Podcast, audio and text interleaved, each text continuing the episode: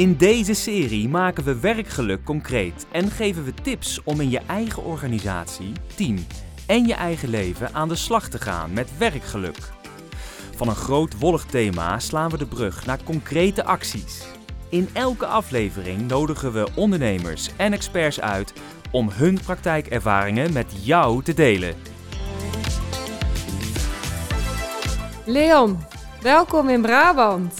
Vanuit het mooie Twente, waar overigens ook mijn eigen roots liggen, ben je vandaag uh, afgereisd naar uh, Eindhoven. Dat is een eindje rijden, maar dat doe ik graag. Nou, wat leuk. Wat fijn dat je er bent. Oh, en dat je die moeite hebt genomen. Dankjewel dat ik mag komen Nou, en dat je me hiervoor gevraagd hebt. ja. Nou, ik vind het heel erg leuk om met jou eh, in eh, gesprek te gaan vandaag. Want hè, eh, jij was ooit financieel life planner. Jij zat volle bak in de cijfers. Iets waar ik totaal zelf eh, niet zo heel goed in ben. Maar die voorliefde voor financiën, die zie je nog steeds terug in, jouw, eh, in je eigen organisatie Rendement voor Geluk. Ehm, maar toch is de focus op geld absoluut veranderd. Hè. Tegenwoordig ben je succesvol ondernemer en heb je de ambitie om Nederland een beetje gelukkiger te maken. Ja, en wat ik zelf heel erg mooi vind aan jou is dat je die ambitie ook met elke porie uitstraalt. Je deelt je kennis, je gaat aan als we het over geluk hebben en je wilt zoveel mogelijk mensen laten delen in jouw geluk. En volgens mij zei je ooit tegen mij: van de zon is ook genoeg, daar vechten we ook niet over. Er is immers zon voor iedereen. Waarom zouden we dat dan wel doen als het over werkgeluk gaat? Dus wat fijn dat je er bent. Dankjewel. Leon, ik heb jou heel kort even geïntroduceerd, maar kan je ook eventjes uitleggen wie is Leon? Kun je wat meer over jezelf vertellen? Ja, zeker. Ik ben Leon Brummelhuis, nou ja, 54 jaar. Getrouwd met Diane. We hebben twee kinderen, twee zoons van eh 23 bijna en van eh 20. En eh, wij wonen, we zijn woonachtig in Haaksberg. Mijn zaak zit in, in Enschede. En eh, ja, Leon Brummelhuis die, eh, die heeft zeg maar, eh, begonnen in de, in de financiële dienstverlening. En vanuit de financiële dienstverlening heb ik de stap uiteindelijk gemaakt naar geluk. Als Ja. je mij gevraagd had, eh, tien jaar geleden, Leon, jij gaat wat doen in geluk, had ik jullie allemaal voor gek verklaard. Ja, Maar zie je hier, het is toch gebeurd. ja, want het is nog wel een change of mind van financieel plannen naar geluksambassadeur. Kun je vertellen, hoe is dat zo ontstaan? Ja, ja ik, het is leuk wat je zegt, het is een change of mind. En eh, voor mij is dat eigenlijk helemaal niet. Want ik merkte zeg maar in die financiële dienstverlening dat mensen kwamen bij ons binnen met financiële vraagstukken.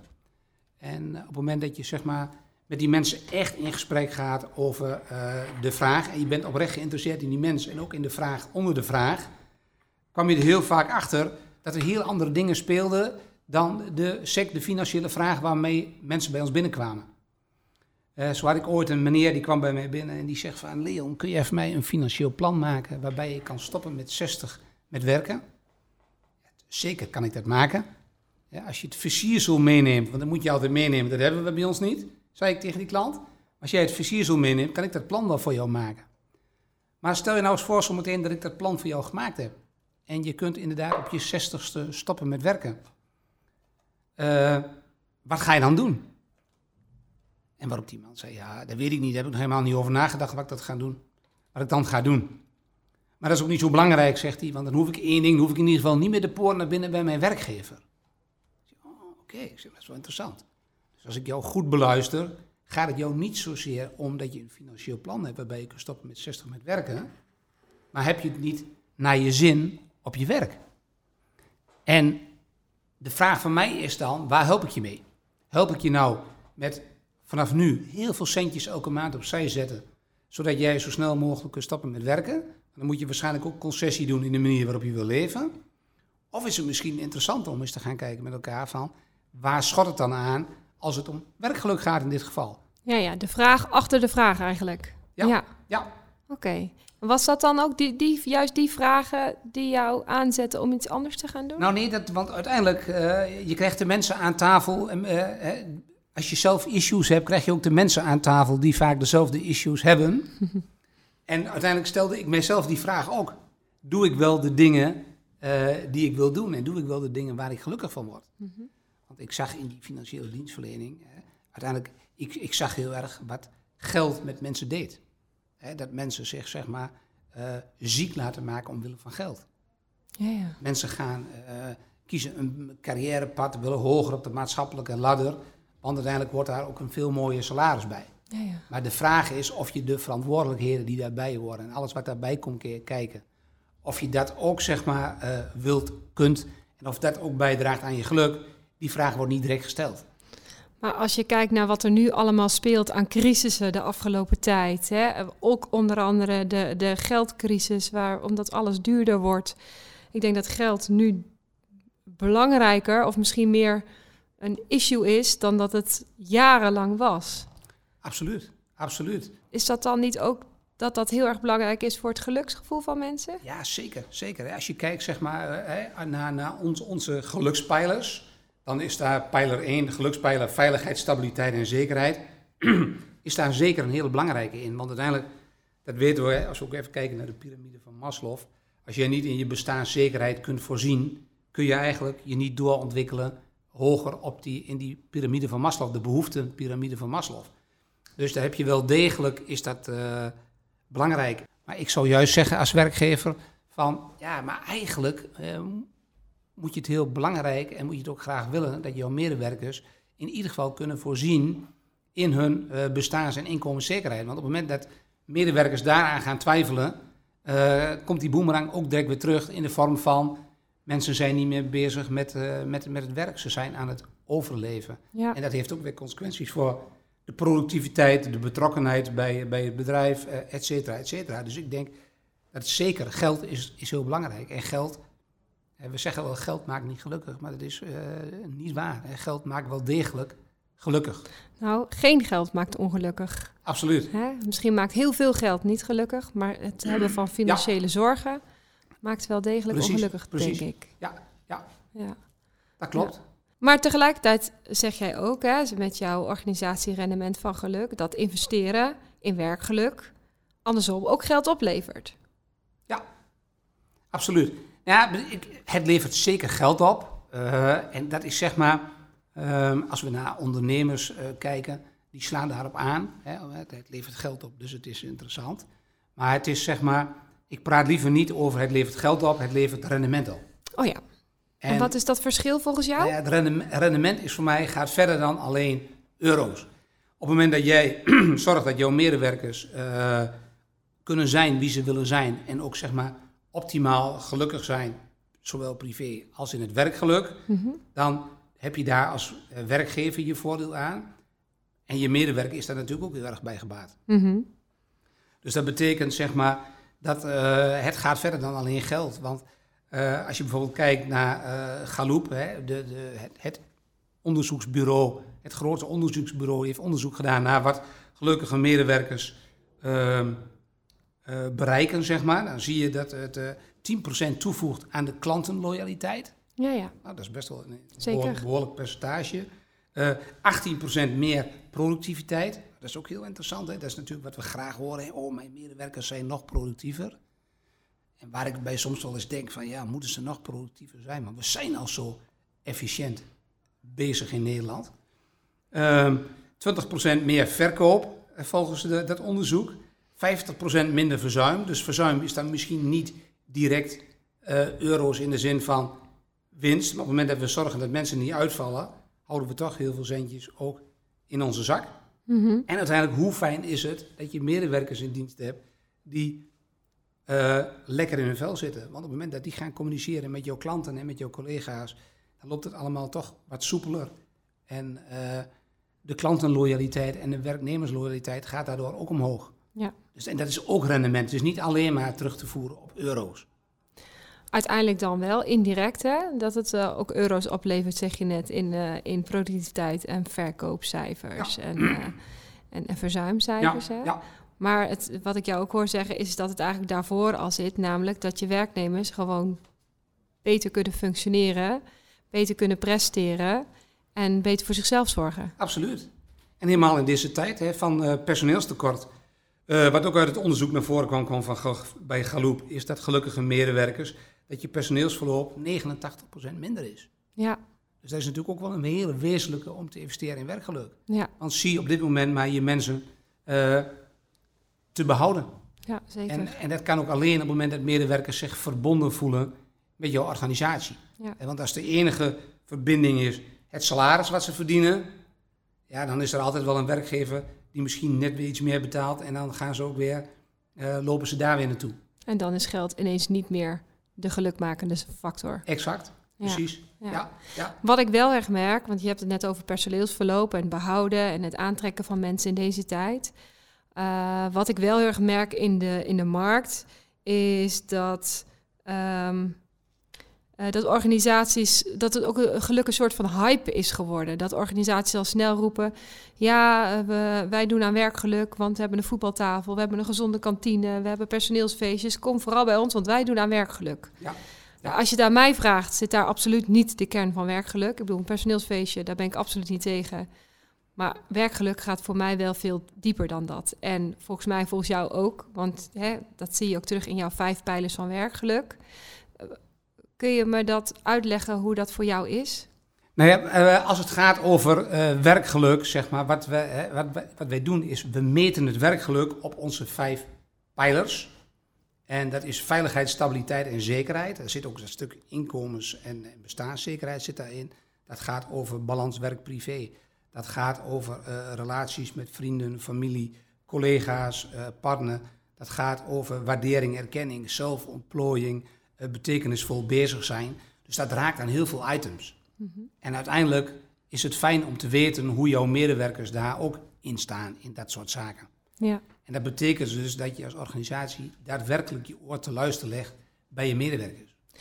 Ik kan me voorstellen dat dat voor heel veel organisaties ook heel spannend is. Want op het moment dat je dat in kaart brengt, hoe jouw medewerkers werkelijk denken en wat ze vinden, eh, dat dat ook bedreigend kan zijn. Ik merk ook wel bij organisaties dat dat ook wel iets is wat ze tegenhoudt om echt over werkgeluk te praten. Dus dan is het makkelijker om aan de oppervlakte die poeltafel aan te schaffen en daarover te hebben. Een soort van greenwashing idee krijg je dan. Ja. Ehm, maar dat het, omdat het heel spannend is om het te hebben over echt geluk en echt werkgeluk. En misschien dat sommige bedrijven ook niet eens weten waar moet ik dan beginnen.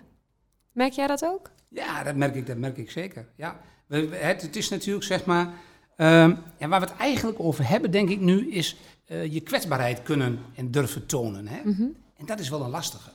Want op het moment dat ik aan jou vraag, Rosalie, hoe gaat het nou echt met jou? Mhm.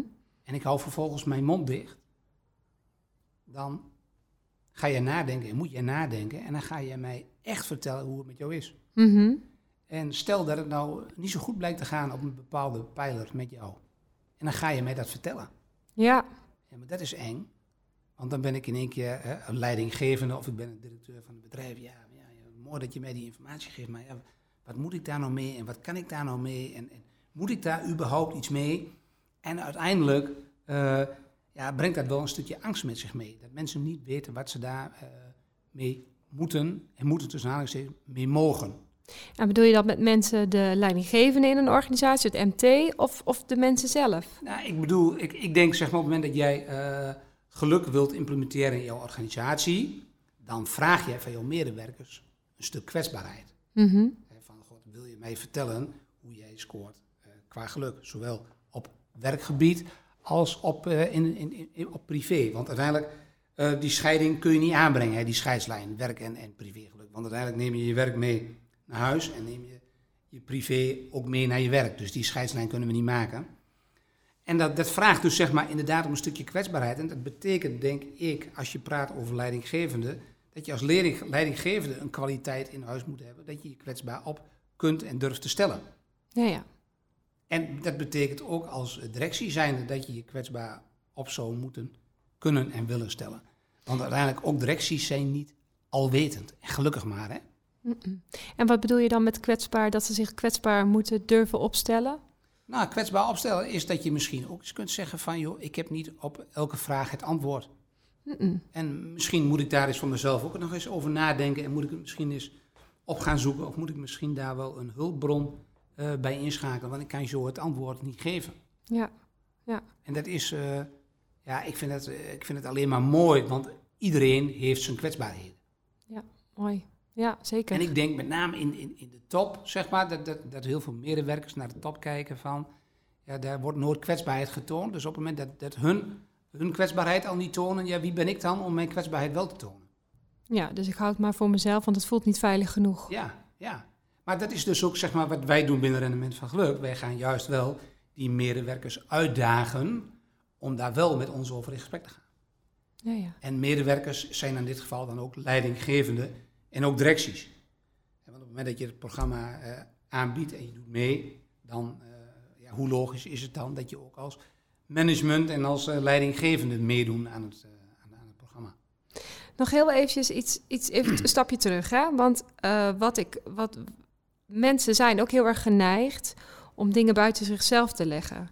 Hè, mijn leidinggevende moet dat voor mij regelen. Hè, ik, ben, kan dit niet of ik kan dat niet, want mijn leidinggevende heeft dat niet op orde of doet dat ook niet. Of, uh, mm hè, dus mensen leggen de verantwoordelijkheid voor hun eigen geluk uh, ook heel vaak buiten zichzelf. Absoluut. Um, hoe tackle jij dat dan? Hoe, of hoe kun je dat tackelen? Nou, heel herkenbaar wat jij zegt. Hè. Mensen zoeken uh, de oplossingen vaak buiten zichzelf. En dat is nou precies wat wij niet willen binnen, binnen ons programma. En uh, wij maken mensen dus ook verantwoordelijk voor hun eigen geluk. Uh, daar neem ik ze ook altijd mee in een stukje van ons geluksonderzoek. Uh, het onderzoek van Sonja Lujo-Bumirski, jou ook bekend. Zeker, ja. Dat geluk voor 50% afhankelijk is van je genen, 10% van omstandigheden en 40% van je eigen keuzes en gedrag. Dus we laten mensen zien dat, zeg maar, dat ze toch ontzettend veel invloed kunnen hebben op hun eigen gedrag. En dat ze daar ook, zeg maar, ik noem het nou even, een verantwoordelijkheid hebben, maar dat ze daar uh, ontzettend van invloed kunnen zijn op hun eigen geluk. Um, ik heb het je wel eens verteld volgens mij, van op het moment dat ik in een kantine sta en ik vraag aan mensen, ik, ik, ik, hou twee stellingen, hou ik jullie voor. En dan mogen jullie de hand opsteken of je het, waar je het meeste gevoel bij hebt, bij stelling A of bij stelling B. En stelling A is, ik heb het gevoel dat ik achter het roer zit van mijn eigen leven. En stelling B is, nee, ik heb het gevoel dat het leven me overkomt. En dan zien we helaas nog dat de meeste handjes in de lucht gaan bij stelling B. En nog even heel duidelijk, ik vraag naar het gevoel. Want de ratio, die zegt, ja, tuurlijk zit je achter het roer van je eigen leven. Dat weten we wel. Dus je zou verwachten dat de handjes daar in de lucht gaan. Maar als ik zeg, nee, maar blijf nou even bij je gevoel. Hoe voel je dat? Nee, maar ik heb niet het gevoel dat ik achter de roer zit van mijn eigen leven. Ja. En dat is jammer, want dat onderzoek van uh, Sonja Lyubomirsky, die toont aan dat je middels je 40% eigen keuzes en gedrag juist heel veel invloed kunt hebben. Ja. En op het moment dat wij dat mensen dat kunnen laten inzien en ook nog eens kunnen laten ervaren, ja, dan hoef je niet meer te overtuigen. En dat is ook wat wij niet willen. Hè. We willen inspireren, uh, enthousiasmeren en motiveren, maar vooral niet overtuigen. Want je bent zelf aan zet en je bent zelf verantwoordelijk voor je eigen geluk. Ja, dus niet die leidinggevende moet jou gelukkig maken. Want nee. leidinggevende kan jou niet gelukkig maken. Nee, dat, moet, moet je zelf moet je, doen. moet je echt zelf doen. Ja. ja. En dat betekent wel, zeg maar, voor jezelf dat je dan uh, eens moet gaan kijken van... oké, maar ja, weet ik überhaupt wel waar ik gelukkig van word? Mm -hmm. En dat is wel een hele uitdaging in deze tijd. Hè? Van waarom zou je het doen? Ja, omdat we in, een, in mijn ogen een, een hele hectische tijd leven. En uh, ja, we moeten alle ballen in de lucht houden. Daar zijn we elke dag mee bezig. Dus ik heb ook het gevoel dat mensen eerder zeggen van... ja, maar Leon, ik heb eerder het gevoel dat ik aan het overleven ben dan aan het leven. En als je dan onderwijl ook nog na mag gaan denken over waar word ik gelukkig van... dat is best wel lastig. Mm -hmm. Dus wat doen mensen dan als ze bezig zijn met al die ballen in de lucht houden? Dan zijn ze drukker met het geluk van anderen om maar te voldoen aan wat de omgeving van hun verlangt. En daarmee wordt hun eigen gevoel en geluksgevoel wordt weggedrukt. Ergens denk ik, ja, dat is heel makkelijk gezegd. Hè? Um, je staat zelf aan het roer en je hebt daar zelf een verantwoordelijkheid in. En in plaats van overleven ga je weer leven. Uh, tegelijkertijd is voor heel veel mensen dat ook niet zo vanzelfsprekend. Hè? Er is nee, iemand ziek of je zit in een financiële crisis. Ja. Kun je ons meenemen, hoe doe jij dat bijvoorbeeld zelf? Ja, hoe doe ik, hoe doe ik dat zelf? Uh, als je kijkt, kijk, uiteindelijk uh, geluk, uh, laten we ook vooral gewoon doen over geluk. En laten we niet te hoogdravend doen over geluk. Hè? Maar juist op het moment dat je, eh, als je de nacht niet kent, weet je de dag ook niet te waarderen. En, en uh, dat is wel, zeg maar, uh, hoe ik daar naar kijk. En voor mezelf ook, hoe doe ik dat? Ja, kijk, niet altijd ben ik 100% gelukkig. Maar dat probeer ik ook niet na te streven. Want als ik dat nastreef, dat creëert volgens mij zinloze uitputting. Dus laten we dat niet doen. Wat ik wel probeer is, pak ik even onze gelukkig leven test erbij, dat ik wel op alle pijlers ruim voldoende probeer te scoren. En ik heb voor mezelf wel ten doel gesteld van ja, ik, ga, ik wil het toneel hier niet verlaten. Of ik wil minimaal een 8 scoren en liever nog wat daarboven. En op het moment dat je dat doel een beetje hebt gesteld, ben je er ook bewust van. Hè?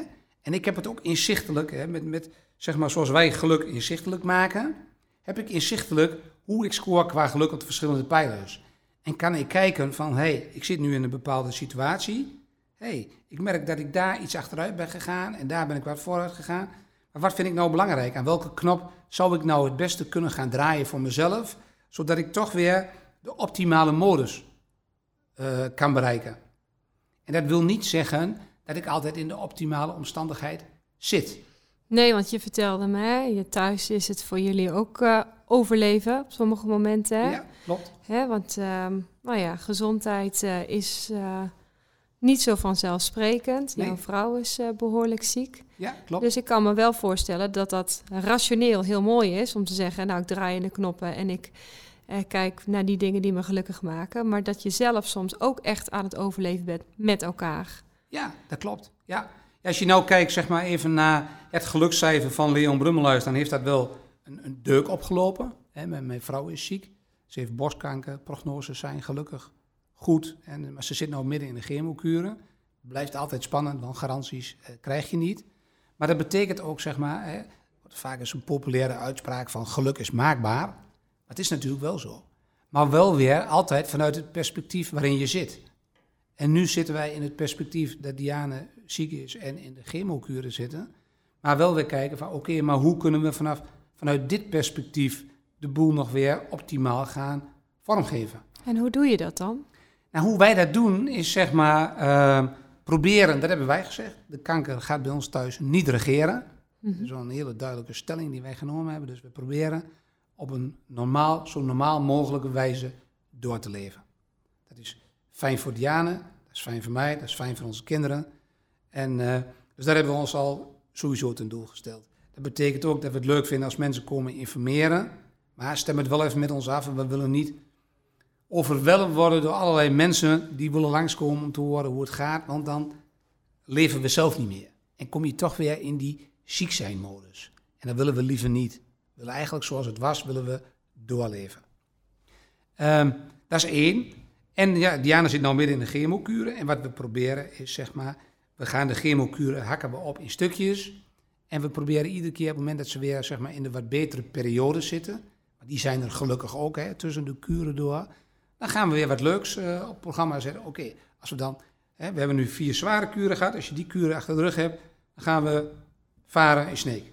Nou, dan hebben we dat weer op de agenda staan. En dan komen er weer andere kuren. En dan gaan we zeggen, oké, als je die weer achter de rug hebt, nou, dan gaan we die weekend, dan ben je waarschijnlijk weer aan de betere hand. En dan gaan we dit doen. En zo proberen we dat allemaal een beetje klein in stukjes op te hakken en iedere keer naar leuke dingen toe te leven. Dus in die zin ook de regie te nemen? Zeker de regie te nemen, ja. En, wat... daar, ja, mag ik misschien nog één toevoeging daarbij? Tuurlijk. Uh, wat ons ook heel gelukkig maakt, want het hoeft niet, geluk hoeft niet groots of duur te zijn. Hè? Want dat is ook een misvatting.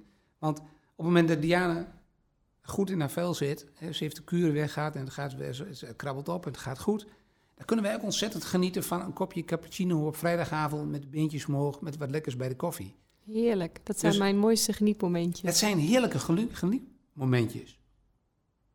En dat is ook leuk als we daar nog even op inzoomen. Als je praat bijvoorbeeld over, hè, als ik mensen aan tafel heb, ja maar Leon, hè, we zijn een hele jaar druk en we werken hard.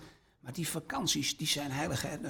Die vakantie naar Curaçao, die is zo belangrijk voor ons dat, dat we dat wel kunnen blijven doen heel interessant als je naar mensen vraagt, maar wat maakt nou dat die vakantie naar Curaçao zo belangrijk voor jullie is? Wat maakt het nou zo fijn?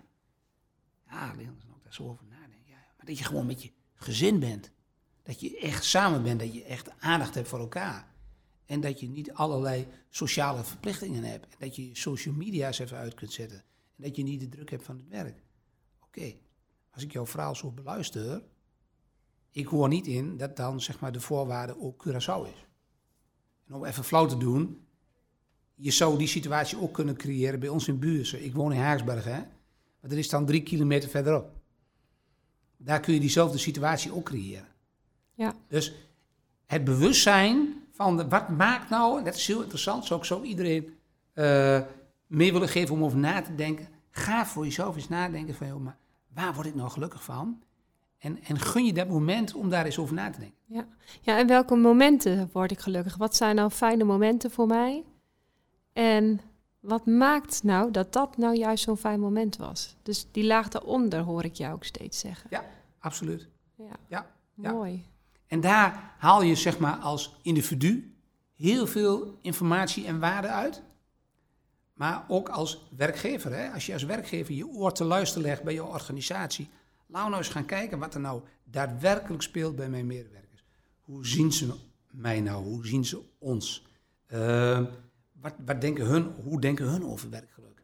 Wat is voor hun werkgeluk? En hoe denken hun dat ze bij kunnen dragen aan een optimalisatieslag qua werkgeluk in onze organisatie? En dan laat je mensen ook groeien, hè? want je, je, je, je weet ze op hun waarde eh, in te schatten. Hè? En je zegt van, denk eens met me mee, hoe kunnen we dat met elkaar gaan doen? En dat is het voor mij ook. Het is iets gemeenschappelijks en het is niet iets individueels. Iets wat voor iedereen kan verschillen, maar wat je wel met elkaar bereikt. Juist, absoluut. Ja. Mooi. Mooi. En dat is ook, zeg maar, ik heb natuurlijk, ik spreek wekelijks heel veel mensen over, over geluk en over werkgeluk. En op het moment dat je ziet wat er achter de schermen bij mensen allemaal speelt, en dan zul je niet meer oordelen. Mhm. En dat is ook wel een hele mooie. Van uiteindelijk eh, eh, ga je ook vanuit andere perspectieven naar iemand kijken. Zowel naar een medewerker, naar een directielid, naar een leidinggevende. Je zult minder snel in de veroordeling schieten. En dat is gewoon ook in mijn ogen een rendement. Ja. Dat mensen niet zo snel oordelen. Je wordt wat eh, milder, empathischer. En klanten die vervolgens bellen met jouw organisatie, die merken dat ook. Dat ze soms zeggen, ja, ik weet het niet, ik, ik kan het niet duiden, maar het is gewoon een hele prettige club om zaken mee te doen. Ja, en er zijn er nog tien van, dat weet ik. Maar die club, ik weet het niet, maar het, is gewoon, het voelt gewoon goed. Ja. En dat is denk ik wat je graag wil als organisatie. Is het dan ook, in, in mijn eigen onderzoek naar leiderschap en werkgeluk, heb ik, kom ik ook elke keer opnieuw tegen dat die echte aandacht, die echte interesse, die oprechtheid, dat dat ook eh, een hele cruciale factor is als je het hebt over leiderschap en werkgeluk op de werkvloer. Ehm, is dat dan ook wat jij bedoelt hiermee? Absoluut, absoluut. Ja, ja. ja als je dat koppelt aan, aan, aan, aan eh, leiderschap. eh, ja, ik denk als je praat over, over kwaliteiten van, van leiders, dan denk ik dat een hele belangrijke kwaliteit is dat je kunt luisteren. En we doen daar allemaal, eh, in mijn ogen doen we te makkelijk en te simpel over luisteren. Ja, Want dat is nog wel iets luisteren. Want Echt. heb je iemand echt gehoord? En als je iemand echt wil horen, dan moet je er ook even voor gaan zitten. En dan kijk je elkaar aan en dan heb je tijd en dan laat je iemand ook volledig uitspreken. Nou, waar gebeurt dat nog in organisaties? Ik ben nou met een bedrijf in gesprek, die hebben de processen heel strak en optimaal staan. En dat betekent dat die mensen nu het beeld hebben gekregen dat op het moment dat ze communiceren, dat ze het ook heel effectief, effectief, efficiënt en snel moeten doen. Dus als je het in twee woorden kunt zeggen, vooral niet in drie, vier. ja, En dat lijkt mooi, maar als je praat, over klantenloyaliteit, ja, die, gaat daar, die komt daarmee onder druk te staan. Die klant zegt, ja, ik heb daar een dienst afgenomen, ik heb een product gekocht. Ja, er werd even een linkje, of werd een vinklijstje met mij afgestemd. Hè. Dat, eh, heb ik dit, heb ik dat, hoe heb ik dit ervaren, dat, dat, dat. Heel mooi. Maar er zat geen enkel gevoel bij. Dus, en dat is denk ik wel een hele wezenlijke. ja, Dat gevoel. Ja. En dat gevoel, dat is wel iets, zeg maar. ehm, ja, dat is zo ontzettend belangrijk. Dat je het, je gevoel, want in deze maatschappij word je juist beloond op ratio, zeg ik wel eens. Hè. Op het moment dat je heel goed kunt beredeneren, discussiëren, beargumenteren. Oh nee, maar dan ben je goed. Maar voor mij, eh, dat, dat, zeg maar, eh, dat luisteren en bij je gevoel kunnen, dat is wel een hele wezenlijke.